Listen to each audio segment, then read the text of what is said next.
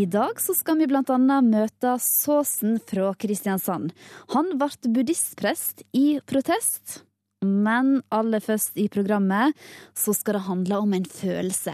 Jeg er sikker på at jeg er ikke den eneste som har følt på nettopp dette her.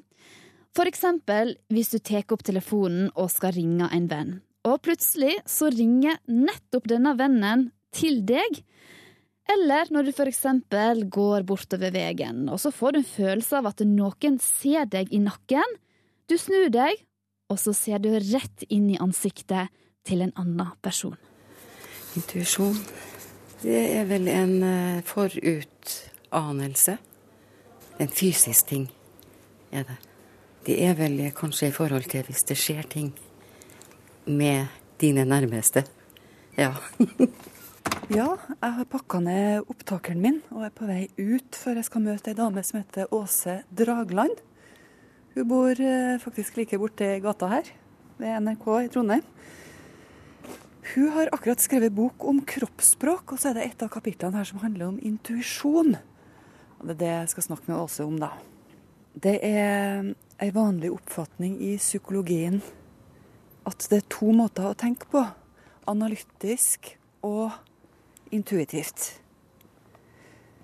Et godt eksempel som viser det her, det er denne lille matteoppgaven. Tenk deg at du går i butikken og kjøper en ball og en sjokolade. Dette koster 110 kroner. Du får vite at ballen koster 100 kroner mer enn sjokoladen. Hva koster sjokoladen, og hva koster ballen? Ja, du skal selvfølgelig få svaret etter hvert, men først nå så skal vi hilse på Åse. Hallo. Hei, Åse. Jeg skulle spørre deg om det var mulig at vi kunne sitte et Ja. sted. Jeg tenkte akkurat på det. Vi har en hvit bra. benk der. Ja, jeg kom på at eh, jeg har en venninne som bor ute på Trøndelagskysten. Og for noen år siden så ringte jeg henne, og da fortalte hun at hun hadde sånne magesmerter og, og var litt småkvalm. Og ja, så snakka vi nå rundt det. og jeg sa skal du ikke kontakte legen? Nei da, nei da, gikk sikkert år, var sikkert bare noe hun hadde spist og sånn. Men jeg fikk ikke ro på meg, og jeg følte at det her var noe galt. Så jeg, etter en liten stund, jeg hadde lagt på røret, så tok jeg og ringte distriktslegen i området og ba han kjøre innom henne. Og det gjorde han, og konstaterte blindtarmbetennelse. Og det var såpass prekært at det ble forordna et helikopter som eh, tok henne rett inn på St. Olav og rett inn på operasjonsbenken der hun ble operert. Og de fortalte i etterkant at eh, det var liksom i siste liten. Men eh, nei, jeg følte at det var noe som ikke stemte der. Men hvor kommer den magefølelsen fra, da? Nei, det vet man jo ikke i dag. Det er liksom to eh, forklaringer på. Den ene sier at det her er tidligere erfaringer som vi lagrer ubevisst. Og når vi kommer opp i lignende situasjoner, så husker vi på minnene våre og, og kjenner umiddelbart hva som er rett og galt. Og den andre retninga sier at det her er en evne som vi er født med. Og noen utvikler intuisjon eh, sterkt, og noen gjør ikke det. Det vanligste er vel at vi ikke gjør det, at vi ikke kjenner så mye på det. Men eh, du har jo sånne folk som er klarsynte og snåsamann og sånn, og de forteller jo også at det er en evne som de har hatt med seg helt fra de var små. Det var en av eh, dem som du nevnte i boka, som snakka om eh, at han betrakter det sånn at sinnet kanskje har utstrekning. Ja, det er en um, biolog og forfatter, Rupert Sheldrake.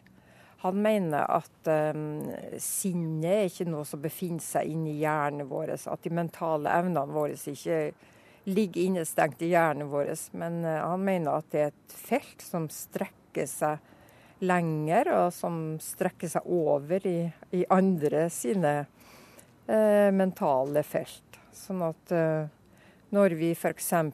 føler at noen stirrer på oss fra et vindu når vi går nede på veien, så er det det som skjer, at vi, eh, vi fornemmer det at det er noen som ser på oss. Hva, sier han noe om hvor stor utstrekning sinnet har, da, i tilfelle? hvis jeg ikke husker feil, så sier han noe om at det kan gå flere kilometer. Mm. Eh, Jeg tenkte jeg skulle ta en sånn eh, matteoppgave til deg. Å, fy.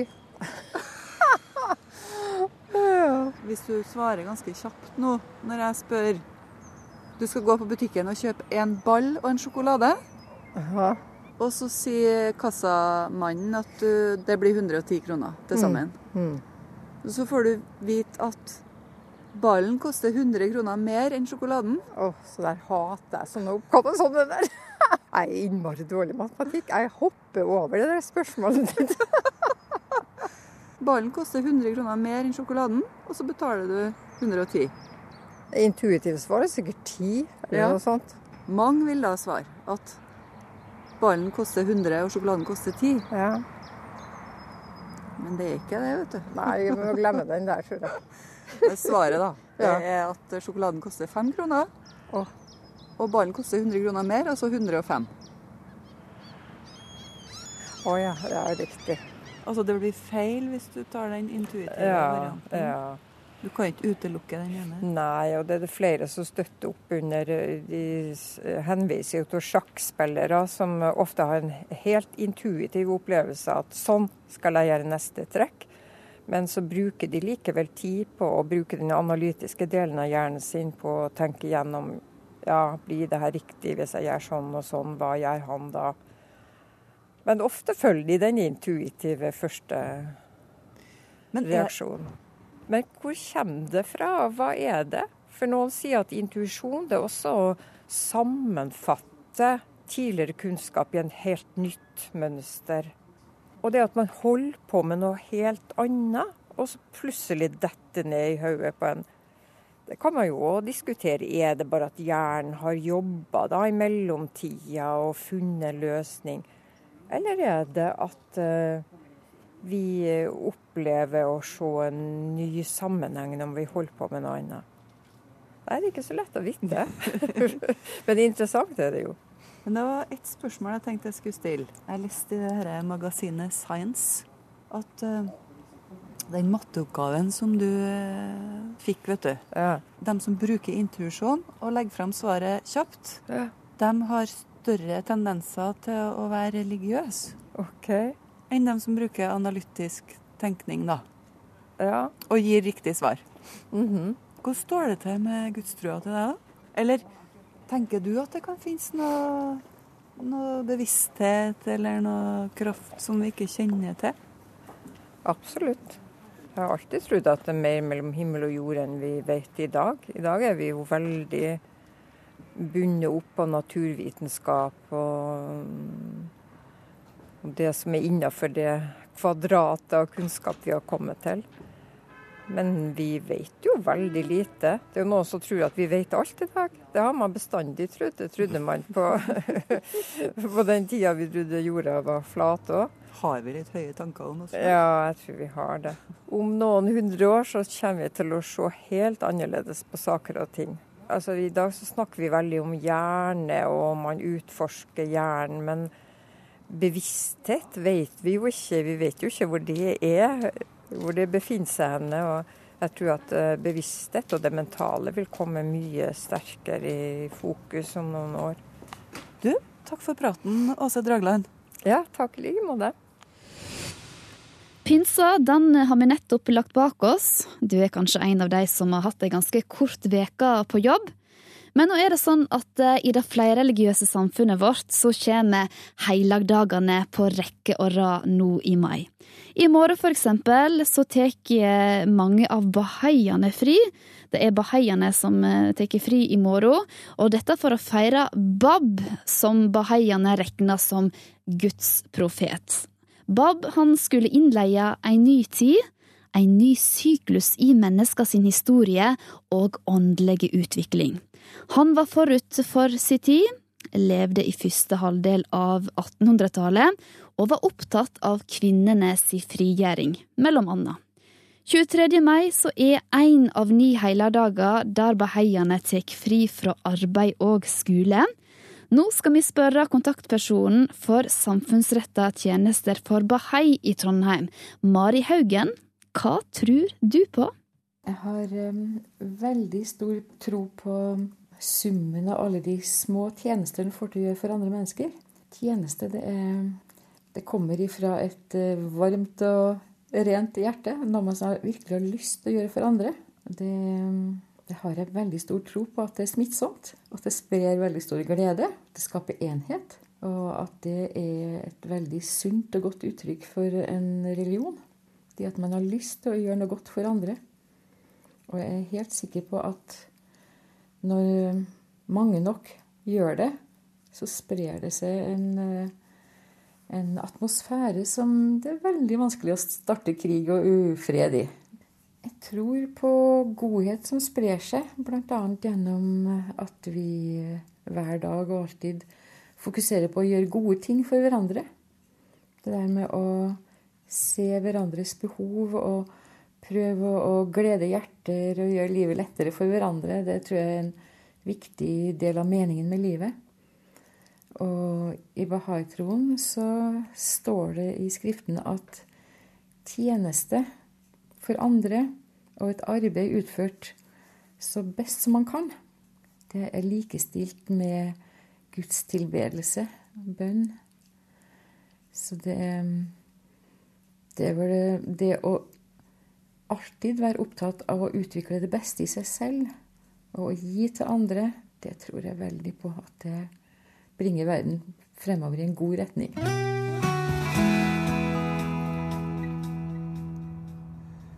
Det var vel midt på 70-tallet en gang, i ungdomsskoletid, at, en, jeg gikk på biblioteket da, på, på lørdager etter å ha solgt Fedrelandsvennen i løssalg. Og da eh, snubla jeg over ei, eh, en hyllemeter med, med, med, religiøs litteratur. Eh, og, og antageligvis så var det bilder fra, fra Thailand. Det var fargerike munker og flotte templer. og en kultur som var helt forskjellig fra vår egen.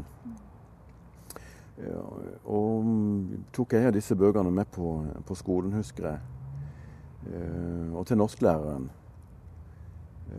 Og vedkommende åpna denne boka og eh, lukka den resolutt og, og heiv den i, i, søppelkassa, faktisk. Med, med, og sa at eh, sånt noe griseri skal vi ikke ha i denne her skolen. Det er noen episoder fra livet som aldri går i glemmeboka. Hendinger som er med på å forme den vi skal bli. Mitt navn er Såsen. Jeg er buddhistprest, jeg er 53 år gammel. og Eh, født og oppvokst eh, i Kristiansand, hvor jeg nå også bor. Eh, arbeider ved en av landets største videregående skoler. Så må jeg innrømme at jeg liker countrymusikk. I tillegg er Såsen Larsen Cusano over gjennomsnittet høy, barbert på hoven og har blå øyne bak runde briller. Av og til går han med kjortel og mørke kapper. Såsen han har vært buddhistprest i en del år. Men han glemmer aldri den dagen boka han var så fascinert over, ble slengt ned i søppelkorga i klasserommet. Ja, jeg vil jo anta at, eh, at læreren um, hadde et kristent livssyn som de fleste hadde på, på 70-tallet. Um, uh, og i Kristiansand, midt i bibelbeltet, så, så tenker jeg det er en naturlig forklaring på, på den handlinga. Mm. Hadde, hadde, en lærer gjort sånn i dag, så hadde den vært innkalt på, på rektors kontor. Mm. Eh, sånn at eh, tidene har forandra seg.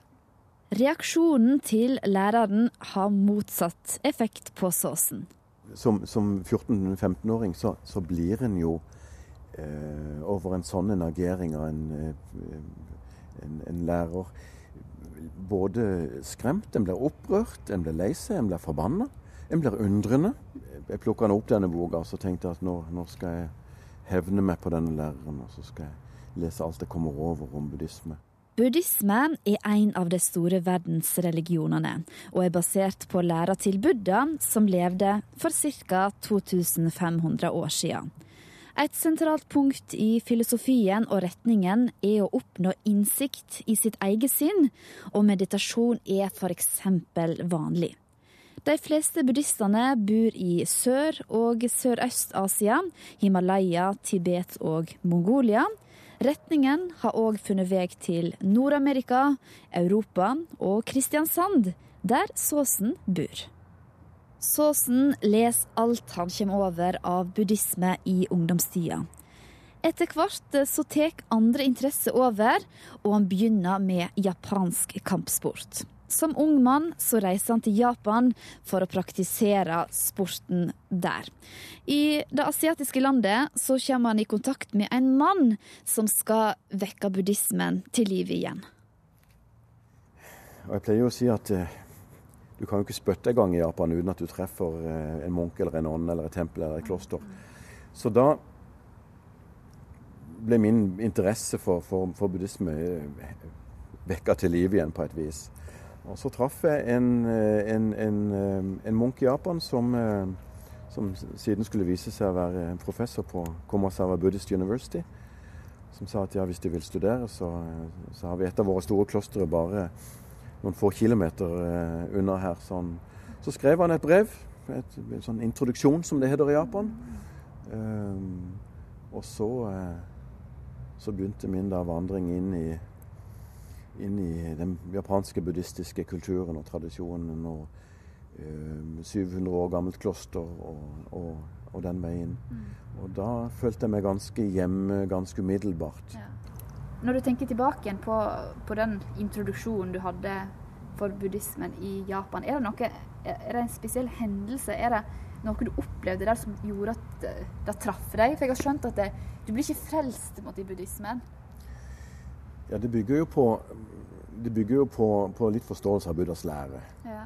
Um, jeg tenker at noen kan fortelle det, og, og, og, og fin buddhismen er, og flott Buddha var, og kjekk læren hans er, men du får aldri noe sånn eh, hallelujastemning av det, tenker jeg. Um, men når en uh, Når en så hvordan buddhismen uh, var i Japan, eh, i, det japanske folket, og hvordan, hvordan um, munkene og prestene um, var for det japanske folket som de kristne, prest, kristne prestene um, er for det norske folket, hvis en kan trekke en sånn parallell. Så, så, hadde de jo en misjon, de hadde et virke. de hadde prestelige tjenester. De var til stede for folk, og de Eh, de hadde en, en, en samfunnsoppgave. Ja. Og da tenker jeg da eh, har jo buddhismen også en, en verdi utover det eh, rent personlig private. Mm. Hvordan var det til stede for folk? Ja, disse templene og klostrene Vi har jo 16 000 templer i Japan ca. og 6-37 klostre. Og de er, de er så uh, integrert i, i, i, japansk kultur, mm. og har vært det i en sånn 1500-1600 år, mm. At eh, noen mennesker bruker eh, templene og klostrene som en slags sted hvor de kommer mm. og drikker litt te, eller koser seg med disse, disse hagene som ofte, man også, ofte finner. det er et sted hvor det er fred, det er ro. Noen kommer og, og, vil snakke litt med noen av disse munkene. Og noen har jo konkrete problemer, kan, kan vi jo si, um, med livene sine og, og, ønsker å få litt grann, uh, råd og veiledning. Så, så, de blir brukt i ulike sammenhenger. Og så er det selvfølgelig dette med fra vugge til grav-tjenester, som vi kjenner også fra fra kristne prestenes tjeneste. Mm. Se det, der fant du den, ja. Ja, veldig bra. Ja, ja, ja. Ti personer, unge og litt eldre, sitter i lotusstilling i en halvsirkel med ryggen mot veggen i et lite rom i et gammelt hus i Kristiansand. Framfor dem står et fargerikt alter dekka med en rød duk, høye lysestaker og blomster. På toppen en gullbelagt buddhafigur. Lukta av røykelse sprer seg i rommet. I dag så er det messa i det som de kaller tempelet. Midt på gulvet sitter buddhistprest Såsen Larsen Kusano og han leier det hele.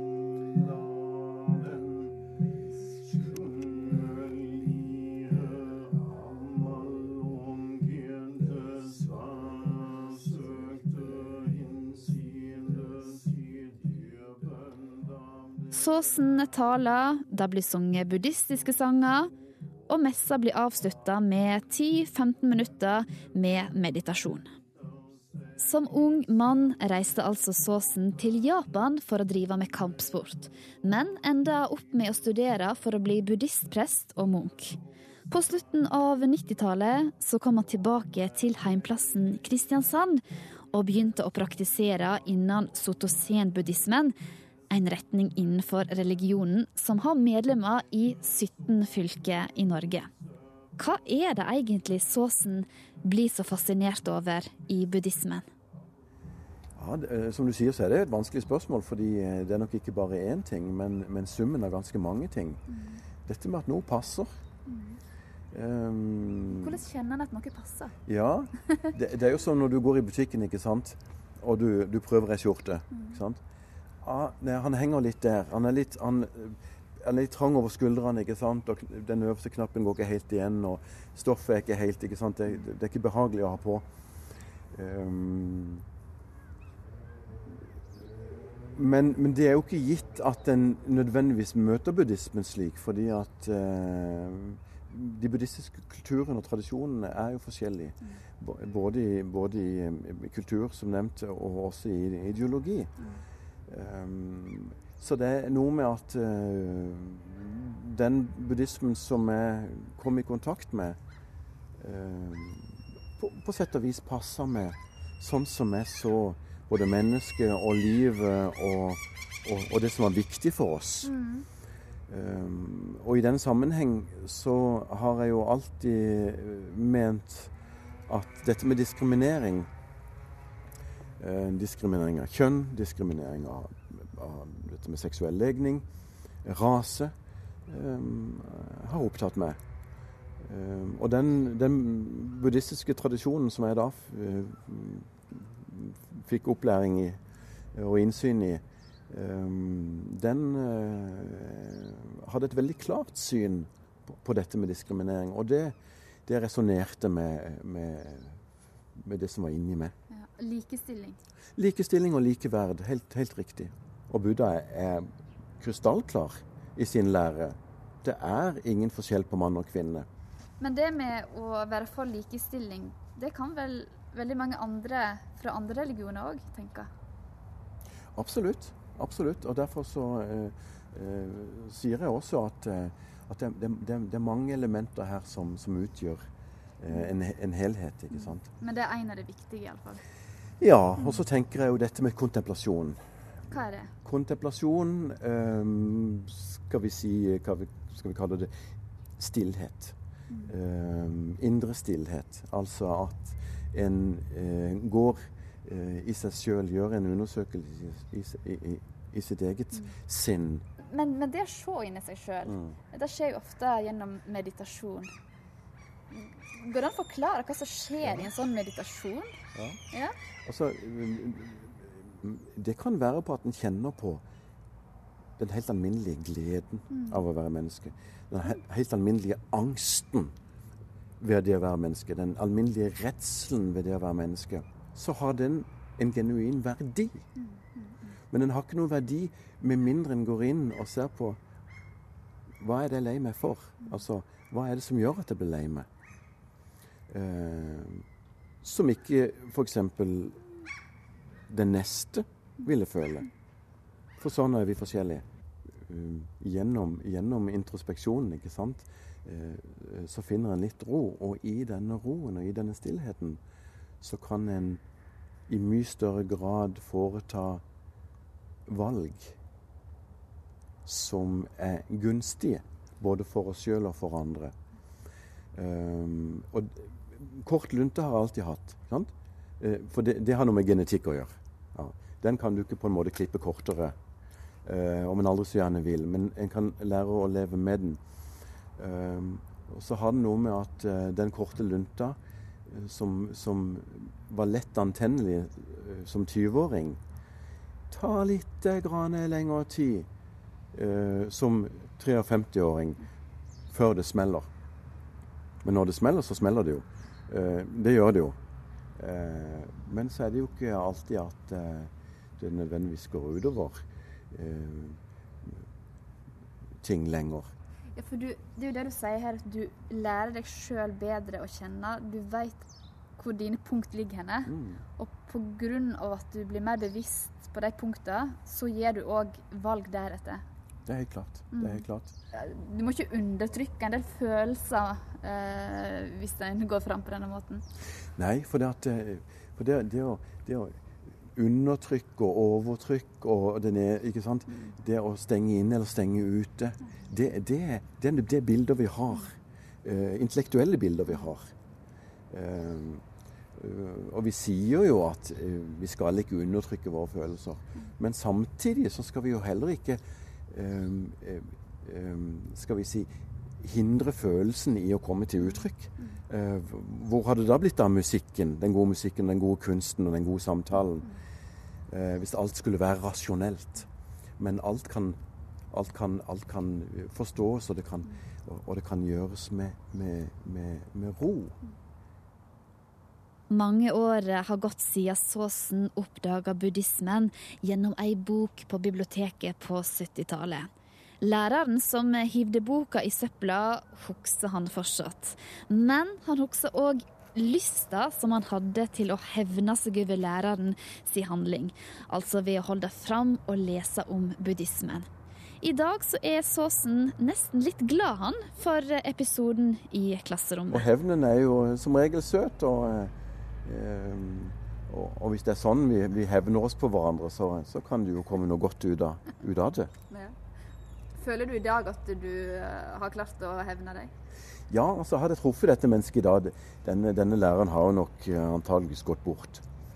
Eh, så, så, eh, så måtte jeg jo takke vedkommende i dag. Ja. Det hadde jeg blitt nødt til. Eh, for det har jo gått godt. Eh, denne hevnen har jo ført til at en har fått en kunnskap og en erfaring som en antageligvis ikke ville fått ellers. Så hevn kan være en god ting. Ja. Så i dag så ser du kanskje tilbake på denne episoden som en positiv opplevelse? Ja, absolutt. Absolutt. NRK P1. Så skal vi til eh, Jon Magnus, som i 40 år har reist rundt omkring i verden som journalist for utenriksredaksjonen til VG. I fjor pensjonerte han seg, og han har brukt eh, tida i etterkant til å gå i sine egne fotspor og på nytt oppsøke de plassene som gjorde størst inntrykk på han. Det har resultert eh, i ei bok, 'Sommerfuglene i Armero', der han forteller om opplevelsene fra et langt liv som journalist. Eh, Og i 1986 så ble den byen utryddet. Det var et vulkanutbrudd oppe i fjellene, og på toppen av denne vulkanen så var det en iskappe på 20 meters tykkelse. Og den iskappen den smeltet eh, av lavaen. Smeltevannet veltet nedover eh, vulkansiden og utløste et leirskred, et gjørmeskred, som kom dundrende nedover en dal, 20 meters høyde, 60-70 km fart. Nederst i dalen lå Armero eh, med sine 30 000 innbyggere, og byen forsvant. 25 000 ble drept momentant. Eh, resten klarte seg. Jeg kom ned noen timer etterpå, og min eh, kollega, fotografkollega den gangen, Erik Poppe, han kom over fra Norge. Og vi var oppe i dette helvetet i ja, 10-12 dager, jeg husker ikke lenger akkurat. Men, men vi kom opp til en, en scene der tusener på tusener på tusener av lik fløt rundt i gjørma. Ingen Altså, dette er nøyaktig 30 år siden. Ingen har noensinne skrevet om Armero i ettertid. Og jeg har tenkt, hva skjedde egentlig der oppe? Bygget de byen opp igjen? Så ringte jeg til Erik Poppe her i fjor og sa Erik, skal du være med over? Og Erik ble med. Vi dro opp der og kom opp til regnskogen. Og byen var ikke bygget opp. Denne 15 meter tykke gjørma den hadde størknet. Her og der stakk det opp et kirketårn, et husmøne, et gjerde. Regnskogen hadde vokst opp på nytt over denne byen, der hvor byen var. Nå var trærne 15-20 meter høye. Eh, det var bølgende grønt gress. Og så var det en million sommerfugler. De, de, det var så mange av de, og de var så vakre og de var så fargerike. Vi børstet de av oss. Og både Erik og jeg undret oss over hvor, hvorfor alle disse sommerfuglene. Foran på boka så er det bilde av en ung pike, Omaira på 14 år det var den piken som, som var selve inkarnasjonen på motet i Armero. En liten pike hvis føtter var låst fast mellom noen betongblokker nede i gjørma, og hun sank dypere og dypere ned. Og hun døde mens vi sto rundt henne. Det var ikke mulig å redde henne. De prøvde med helikopter og jekk og tau og alt mulig rart noe. Men altså, det var 20 meter bunnløs gjørme. Og så dro Erik jeg ned på graven hennes. Hun ble altså hentet opp etter noen måneder og, og stett i hvile like ved der hvor hun forsvant. Og mens vi står ved graven hennes, så kommer det tre unge mødre med noen barn. Og så sier et av barna 'Mamma, mamma, hvorfor er det så mange sommerfugler her?' Og så svarer altså moren 'Jo, barnet mitt, disse sommerfuglene er sjelene til alle de barna som døde i Armero. Og du kan snakke med dem hvis du vil. Og det var så fantastisk, og jeg tenkte at ja, sånn er det. Altså 30 år senere, det er grønt, det er frodig. Naturen hadde tatt den gangen, og naturen hadde gitt tilbake sommerfugler. Og, og, og jeg sto der og grein og tenkte på den gangen og, og nå. Og det er også en av de historiene som virkelig har bitt seg fast i meg. Ingen står fjernere fra Gud enn den gudfryktige. Vi skal nå snakke om visdom, eller rettere sagt aforismer. Vi skal snakke med Christian Asko Næss, som er ute med boka Dråper. Kristian han er utdanna psykolog, men trives òg godt blant bøker. Han jobber for tida deltid i en bokhandel og som forfatter, og han skriver i tillegg om religiøse tema. Men aller først så skal han forklare til oss hva en aforisme er for noe. Det jeg pleier å si når folk spør, for det er ikke så mange som vet uh, hva aforisme egentlig er, det er at det er visdomsord. Jeg sier at sjangeren er visdomsord. Det, det er et begrep folk forstår, og da forstår du litt hva slags type sjanger uh, det er. Men så føyer jeg selvfølgelig til at uh, det er jo opp til leseren da, å vurdere hvor vise aforismene i boka Dråper er. aforismen er vel muligens den aller mest konsentrerte sjangeren, at det er den sjangeren hvor aller mest skal sies med færrest mulig ord. Ingen står fjernere fra Gud enn den gudfryktige.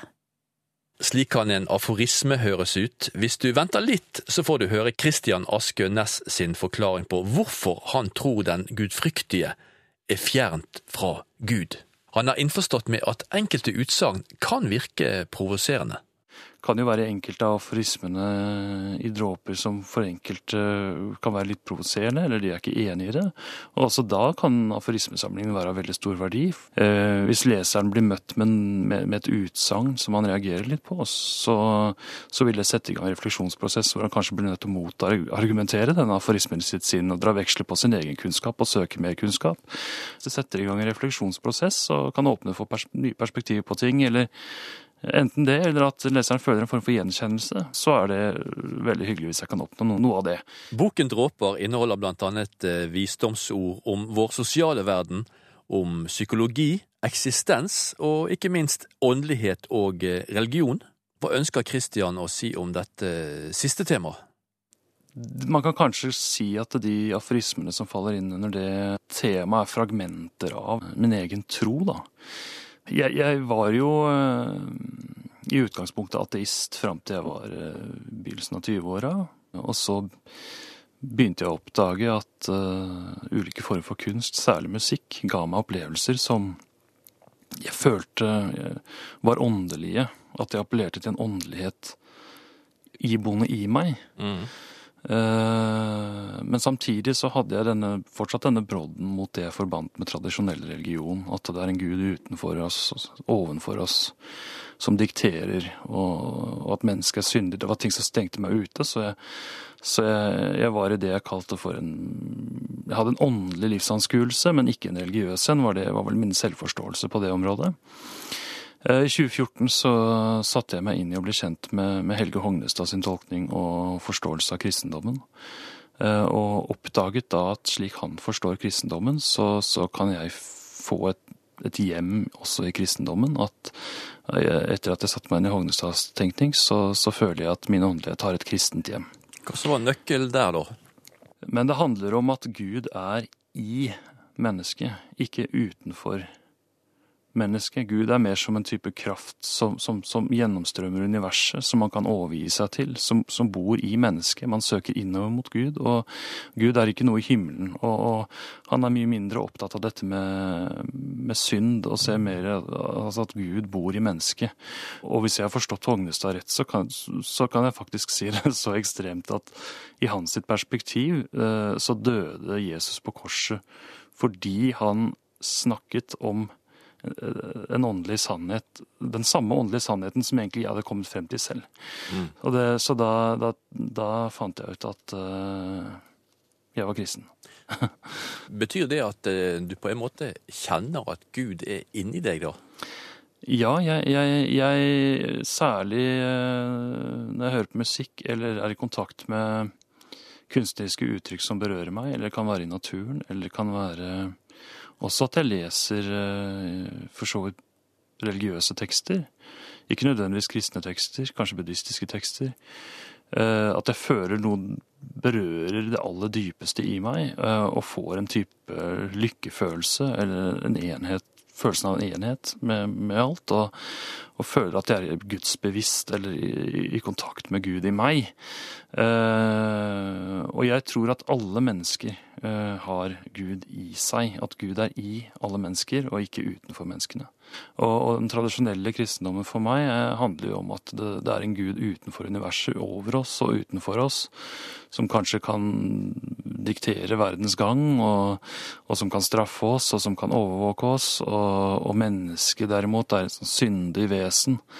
Eh, som må be på sine knær for å få denne store, allmektige gudens tilgivelse. Altså, Det gudebildet og det synet på mennesket er veldig fremmed for meg. Eh, og det er det jeg forbinder med tradisjonell kristendom.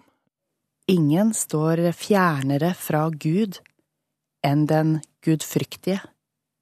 Ja, jeg lovet en forklaring hva Kristian mener med denne aforismen. Den er kanskje litt provoserende å høre for en som har en, en klassisk eh, kristen tro? Ja, det, det, kan godt være at tradisjonelt kristne opplever den som provoserende. Um, om de ikke lar seg inspirere og overtale og motargumentere den litt og bli enda tryggere på sitt eget ståsted, så er det fint. For da har også aforismen en, vært viktig. Den har engasjert. Altså Aforismen skal engasjere, det er, det er det, som er viktigst for meg.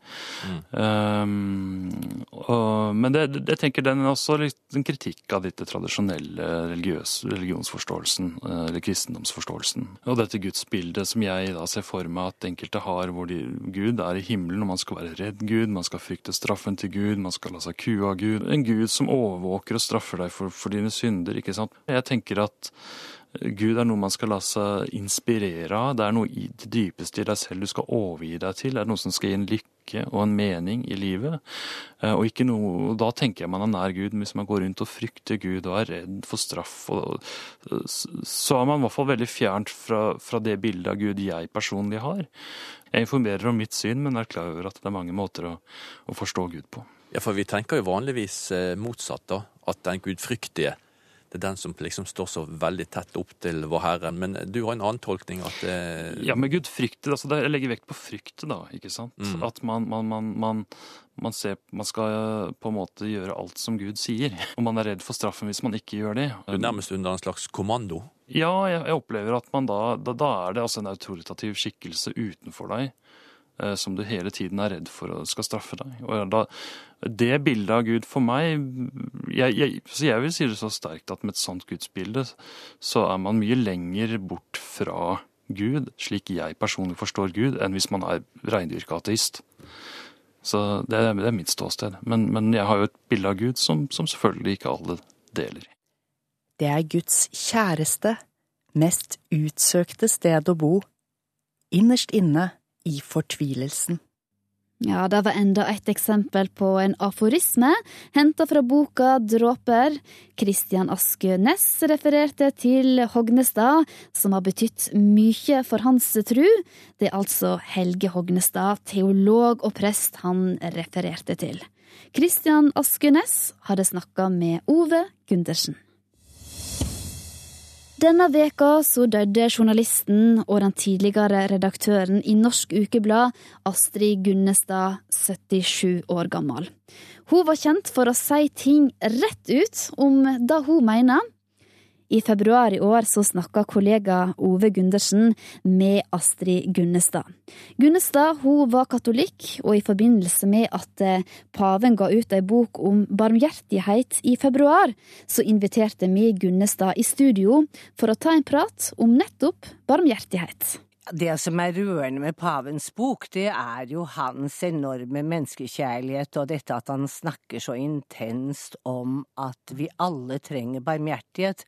Guds barmhjertighet og hverandres barmhjertighet. Og det er jo det, det som er hovedtemaet hans. Kristelig sett er det vel et, et, et veldig tradisjonelt tema? Ja, det kan du si, men for øvrig så lever vi jo i en tid hvor barmhjertighet ikke akkurat er så veldig fremtredende.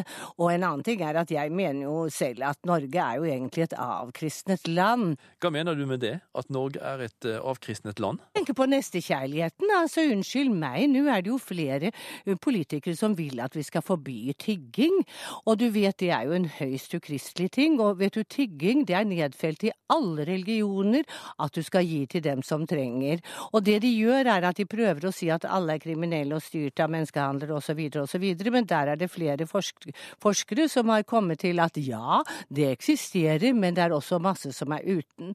Og, så det syns jeg er helt rystende. Og for øvrig, paven minner om, det står i Matteus eh, kapittel 25, dette her med hva du, hva du gjør mot eh, mine minste, det gjør du mot meg. Og der er det noe veldig sentralt, for Kristus sier faktisk, skjønner skjønner du. La meg nå se, det må jeg jo ha helt ordrett. Har du Bibelen med deg? Eh, Nei, men jeg har notert meg det, vet du. Dette her med jeg var sulten, dere ga meg ikke å spise, så videre. Men så sier han også jeg var en fremmed, og dere tok ikke imot meg. Og der, det går jo rett inn i flyktningsituasjonen, og der har du altså politikere som faktisk Altså, vi sperrer folk inne, uskyldige mennesker som rømmer fra krig og elendighet, og så setter dem bak, bak et gjerde. Du vet, det er altså så hårreisende. Og det kan jo overhodet ikke anses som en kristelig handling i det hele tatt. Og nå vet jo jeg, og tror jeg alle i dette landet er enige om at migrantene, de må jo dessverre reise ut igjen, for vi kan ikke klare å ta hånd om alle. Men når folk kommer og søker, eh, søker et sted å være fordi de blir forfulgt, da må jo vi ta imot dem, og vi kan jo ikke behandle dem som om de var kriminelle og sette dem bak et gjerde. Jeg har ikke hørt hørt på maken, jeg politikere som mener det kan umulig ha lest Bibelen, altså. Fy a meg! Du nevnte her at uh, du mener at ikke Norge lenger er en kristen nasjon. Uh, hvordan ser din uh, drømmenasjon ut som en kristen nasjon? Og det var et innmari vanskelig spørsmål. Ja. For du vet det at uh, innen hver religion så har du folk som får en sånn veldig lyst til å fordømme andre og styre og bestemme og alt mulig. Jeg hadde selv en farfar som trodde at Bibelen var skrevet for at han kunne slå andre i huet med den, vet du, ikke sant? Så, så, så det er jo Altså, jeg er jo sterkt imot all form for fundamentalisme, så jeg tror kanskje at uh, det som paven sier, at man kunne møte alle med respekt og og gjerne kjærlighet hvis vi klarer det, og, og akseptere alt. Jeg mener, akseptere at folk eh, ikke tror på noen ting, og det er jo litt morsomt, for det er han sitert i denne boka si også, at du vet folk sier at de ikke tror på Gud, men det betyr jo ikke at de ikke tror på noe, de tror jo på alt mulig rart, på spåkoner og astrologi, og det er jo nummeret før julenissen, ikke sant? Så, så, så det er jo også en, en eh, pussig ting i, i, vår tid, da.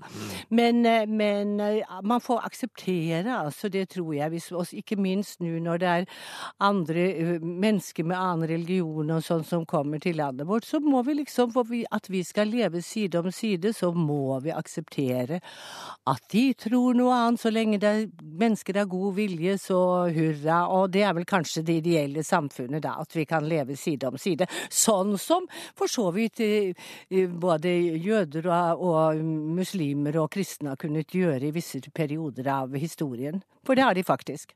Et gjenhør med Astrid Gunnestad fra februar i år. Gunnestad hun døde altså denne veka, 77 år gammel.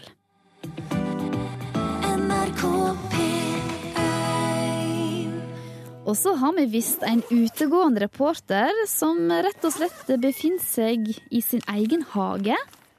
Ja, eller egentlig ikke i hagen, men på verandaen, faktisk. Her har jeg satt opp et minidrivhus.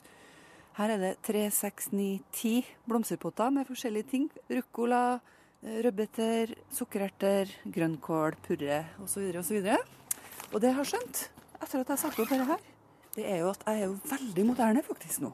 For det er mange som har lyst til å prøve seg med litt produksjon av grønnsaker av oss som bor i by, da.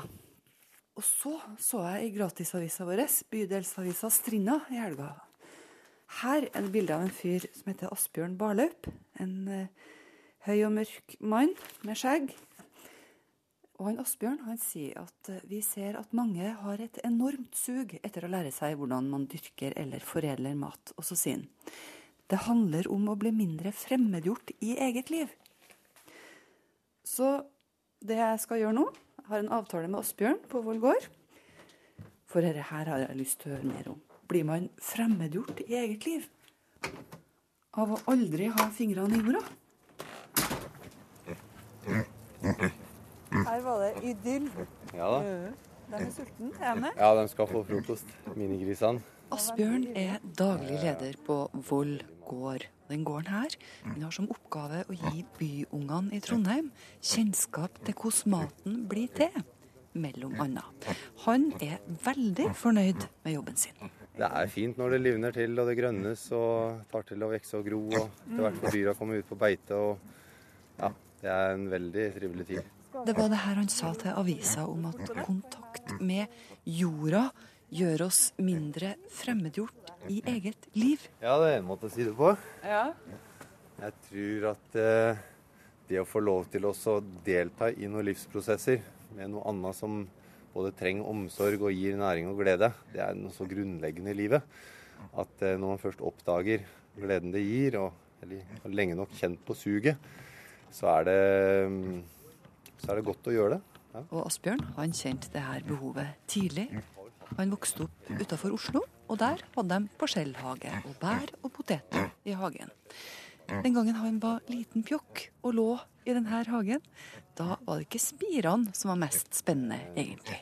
Ja, det er nå dette her også bare at liksom tiden står stille, og en kan grave i jorda og fundere på hva ting er, og hvordan ting eh, er blitt til, og alt det livet som er der. Altså Meitemarken og billene i jorda er vel så interessante som det som en gror.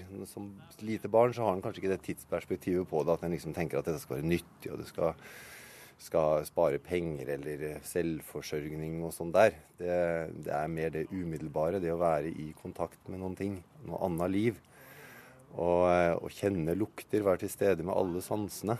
Eh, du kjenner med fingrene, du graver jorda, du lukter og smaker og ser og hører lydene i, i hagen og rundt deg. Jeg tror det er litt det som er eh, lykken som barn, og det som voksne sliter med når de skal prøve å gå kurs i mindfulness og meditere og ja, prøve å finne litt tilbake til barndommens lykke, den umiddelbare opplevelsen. Jeg, jeg tror noe av det for, for den enkeltes del, det å holde på med med jord og planter og slike ting, det, det skaper litt den Det kan skape stunder der du er litt i den tidløsheten, som jeg kaller det. Hvor, hvor, hvor, du bare er i en prosess og opplever en flyt. og For mange er det rett og slett sjelefred og, og en slags meditasjon å holde på med det. Og så er det en litt sånn langsom glede. altså Du kan glede deg hele sommeren igjennom det. Og til høsten når du får smaker og fine farger og og grønnsaker og, og, vekster er jo rett og slett vakre. Det å se at de vokser til og utvikler seg, og det er, det er jo lykke å bare følge med. Og en overraskelse hver dag. Det er som en julekalender hver dag. Du kommer ut og så ser at ja, nå har det blitt sånn. Ja, ja. Så har det også sine utfordringer å bryne seg på. Det hender at det kommer snegler og det hender det kommer insekter. Så, så, man blir aldri utlært i det heller. Så, så, det er stadig noen utfordringer som kan drive en litt videre, da. Ja. Tenker du på hvor det kommer fra, det livet? når du sår et tørt lite frø som ser helt livløst ut? Det kan gi mange grobunn for mange både filosofiske og religiøse tanker. ja. For meg personlig så, så gir det en kontakt med en si, iboende livskraft, en utfoldelsestrang som vi finner gjennom hele universet. Og så kan, kan man eh, sette mange forskjellige navn og ord og religiøse begreper på det. Men jeg tror at uh, uansett hva slags eh, religion eller livssyn bekjenner seg til, så tror jeg at, den, at man opplever den si, opphøyde gleden, eller kan gjøre det i hvert fall, uh, som, uh, som, du godt kan beskrive som en slags religiøs følelse for mange. Mm. Hvordan hadde livet til Asbjørn Barlaup vært på asfalt, da? Hvis du ikke hadde hatt noe gresset og jorda og veksten? For meg så har det vært veldig trist. Ja. det blir vel litt som vi sier, en vill fugl i bur, eller eh, en, en, hjort på bås. Mm. så det mm, Så um, det, det å Nei. Og jeg tror nok at det er Mennesker er veldig tilpasningsdyktige, så vi er, vi er veldig flinke til å finne si, erstatninger for eller substitutter for si, ekte natur. altså Vi skal ikke mange generasjoner tilbake, så var liksom denne kontakten med naturen og det livet i naturen, eller i nær kontakt med naturkreftene, det var liksom en helt hverdagslig, selvfølgelig ting som vi ikke trengte å tenke over i det hele tatt. Um, mens i dag så har vi blitt litt uh, Veldig mange lever et liv fjernt fra det. Vi er liksom veldig inne i bykultur, mange, hvor vi er fjernt fra de, de forutsetninger som naturen legger for, for livet vårt og som ligger der sjøl om vi har fjerna oss veldig fra naturen i levesettet. Og For meg så er det et tankekors, fordi at det, det, gir en stor risiko. Altså Alt vi involverer vår økonomi og vårt liv i, har konsekvenser for naturen og for livsgrunnlaget vårt. Vi ser det bare ikke, fordi at det er industrialisert, på en måte. Så, så dette her med å, For å bringe det litt sånn ned på jorda igjen for oss, og det å dyrke mat sjøl, og det å å gjøre noe med egne hender og skape noe, det gir litt perspektiv på ting. Det gir oss litt kunnskap om eh, også en ferdighet og en liten selvtillit i det at ja, men det går an. Altså det er, eh, det er prosesser som vi egentlig er skapt for å ha noe med å gjøre. Vi er ikke eh, helt avhengig av priksen, liksom? Vi trenger ikke å være helt, helt avhengig av det. Du klarer ikke deg helt uten butikken du heller, eller? Nei da. Nei da. Det går an å være litt bevisst når man eh, handler, da, Altså ikke bare se etter pris. Og så kan man også se litt etter hvor er det ting er laga hen. Hvor kommer det fra? Mm. Er det sånn at det skal være nødvendig at det skal dyrkes epler i Chile for at vi skal ha epler på, til alle årstider, f.eks.? Mm. mm. Og like ved der vi sitter, ute i åkeren, der står det tre små trær. Jeg har aldri sett grønnkål annet enn i butikken, så jeg kjenner den ikke igjen, rett og slett. Sånn har det blitt. Men den, forteller Asbjørn, den har stått siden i fjor, og den kan du høste av hele vinteren, istedenfor epler fra Chile f.eks. Dette her har faktisk ungene gått og høsta i, gått på slang sjøl når det lå ti centimeter snø over jordet her. Grønnkålslang? ja. Den smaker jo så søtt ja. i forhold til den uh, kjøper i butikken. Hæ? Ja, nesten som sukkererter. Ja, faktisk. Det lille frøet mitt, da, tror du jeg har sjans Absolutt. Hør flere podkaster på nrk.no podkast. NRK